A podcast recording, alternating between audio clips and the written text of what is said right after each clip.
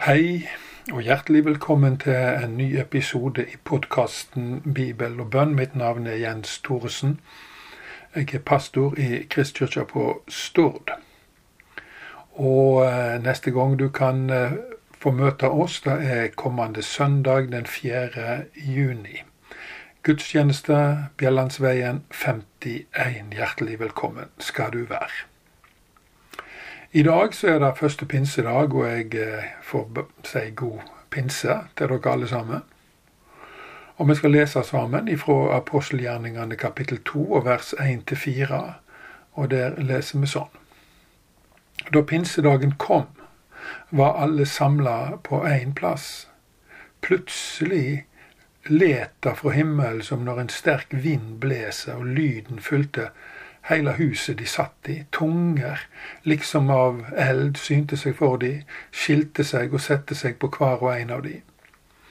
Da ble de alle fylte av Den hellige ande og tok til å tale på andres språk ettersom Den hellige ande gav dem, og forkynne.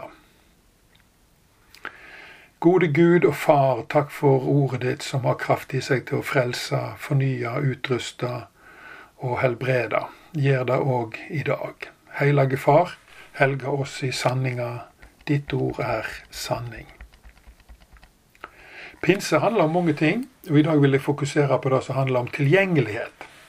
For det første, pinse betyr at Guds kjærlighet og nåde er blitt gjort tilgjengelig for alle mennesker eh, i hele verden. Første pinsedag, slik som vi leser om denne i apostelgjerningene 2, var startskuddet for den kristne misjonen. Døra inn til Gud hadde vært stengt for nasjonene og bare på gløtt for israelittene. Men da Jesus døde på korset, rivna forhenget i tempelet som et symbol på at døra inn til Gud ble slått på vidt gap for jøder og grekere, kvinner og menn, rike og fattige, høye og låge, de langt vekke og de som var nær ved.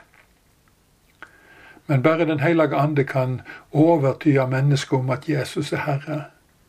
Og han kom på pinsedag for å fylle og utruste alle truende, overbevise folk flest om at de har bruk for Jesus, og ta bolig i alle som tar imot evangeliet. For det andre, etter første pinsedagen er Guds kraft blitt gjort tilgjengelig for alle som tror på Jesus. Skal vi tjene Gud i vår egen kraft, blir resultatet små og skrøpelige. Men la oss fylle av Den hellige ande, som Paulus formaner oss til i Efeserbrevet 5, vers 18-20. Da strømmer liv og kraft ut fra oss til en verden som så desperat trenger Gud. Når vi lar oss fylle av Den hellige ande, begynner vi å leve overnaturlige liv, sånn som vi så at de første kristne de talte på språk som de sjøl ikke forsto, og som de sjøl aldri hadde lært seg. Det var et uh, mirakel, en hellig ånds mirakel. Og når vi blir fylt med Den hellige ande, så blir det slik at når folk møter oss, så møter de Gud. Han som har skapt de, og som elsker de. Han kommer nær til de gjennom oss. Slik fungerer Den hellige ande i oss.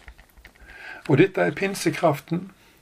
Og når vi har Den hellige ande med oss, når Han preger livet vårt, og får det til å renne over av kjærlighet og kraft, blir det mye lettere for folk med møte å ta imot Jesus og bli kristne. For det er bare Den hellige ande som kan kristne folk. Men det store for oss er at han gjør det gjennom oss, og vi blir hans talerør hans medarbeidere, og det er verdens største privilegium. Vi skal be. Gode Far, reis opp din menighet i Norge, og utrust kirka di til å forkynne ditt ord og demonstrere din kraft for alle som bor i dette landet, slik at alle nordmenn kan vende om til deg og bli ekte kristne. Vær nær alle som blir forfulgt fordi de tror på Jesus. Gi de stor styrke. Vi ber om fred og rettferdighet i Ukraina, Jemen, Sudan, Myanmar og andre plasser der hatet og krigen rår. Vi ber om liv og livsrett for alle ufødte barn. Vi ber om klokskap og rettsinn for kongen, regjeringa, stortingsrepresentantene og alle dommerne i landet vårt. Må dette landet bli styrt etter dine rettferdslover.